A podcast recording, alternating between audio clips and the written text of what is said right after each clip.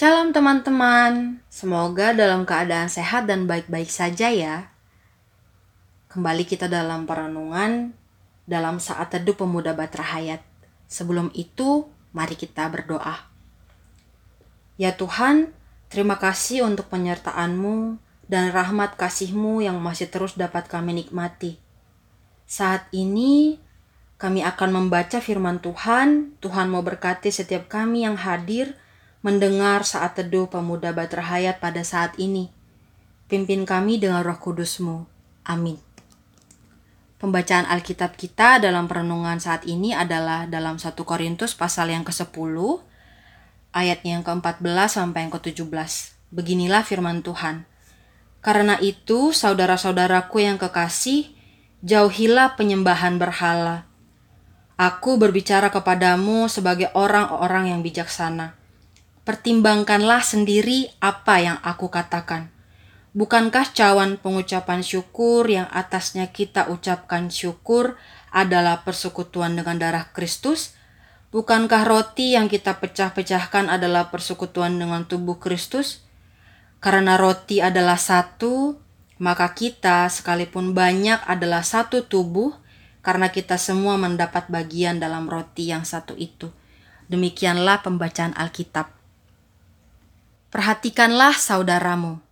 Seorang wali kota pernah berkata di hadapan para lurah, "Pelajaran untuk kita semua: jika benar karena miskin seorang warga bunuh diri, maka kita harus bersiap untuk mempertanggungjawabkan di hadapan Allah. Tanyakan apakah warga kita sudah makan atau belum. Jangan sampai ada warga yang tidak makan." Ia memerintahkan para lurah untuk berjalan berkeliling, memeriksa dan menanyakan apakah mereka sudah makan. Dikutip dari inews.id Rabu 21 April 2021.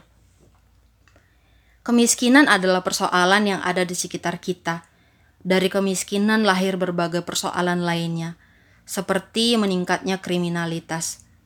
Orang percaya sudah menikmati perjamuan Tuhan, roti yang melambangkan tubuhnya, cawan yang melambangkan darah Kristus selayaknya meninggalkan hidup yang tidak berkenan di hadapannya.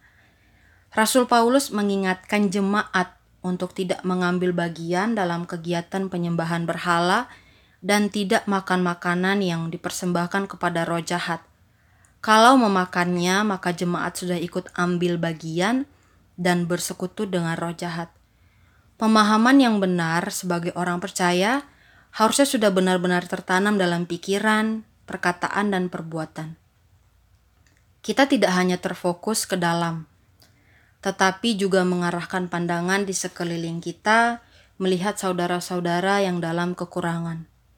Sahabat muda, kemiskinan bukan hanya bagi mereka yang lapar dan haus akan kebutuhan jasmani, tetapi kemiskinan akan makanan rohani. Setiap kita mendengar kisah sedih, Orang mati bunuh diri karena lapar, rumah tangga cekcok, tidak punya biaya sekolah dan lainnya. Hadirlah dan lakukan sesuatu dengan tindakan nyata dan doa kita khusus kepada mereka yang sedang berada di tengah keputusasaan. Mari Korps Biru Ben Hur seperti arti warnamu, berani dan setia, tampillah dengan berani untuk menyatakan kasih Tuhan dan lakukanlah segala sesuatu dengan setia. Ya teman-teman, dengan keadaan seperti sekarang serba terbatas, semoga tak membuat kepedulian atau kepekaan kita terhadap sesama terbatas juga ya. Sekarang ini adalah waktu-waktu perjuangan bersama, bukan perjuangan sendiri-sendiri. Perhatikanlah saudaramu. Mari kita bersatu di dalam doa. Ya Tuhan, mampukan kami untuk menolong sesama kami Kiranya kami boleh terus saling memperhatikan dan terus saling menguatkan, dan juga boleh tetap mengandalkan Tuhan dalam setiap apa yang boleh kami alami dan lewati. Terima kasih untuk segalanya. Amin. Demikianlah perenungan kita Jumat 15 Oktober 2021 dalam perenungan saat teduh pemuda Batra Hayat. Tuhan Yesus memberkati kita semua, semangat memperjuangkan kasih dalam memperhatikan saudara kita.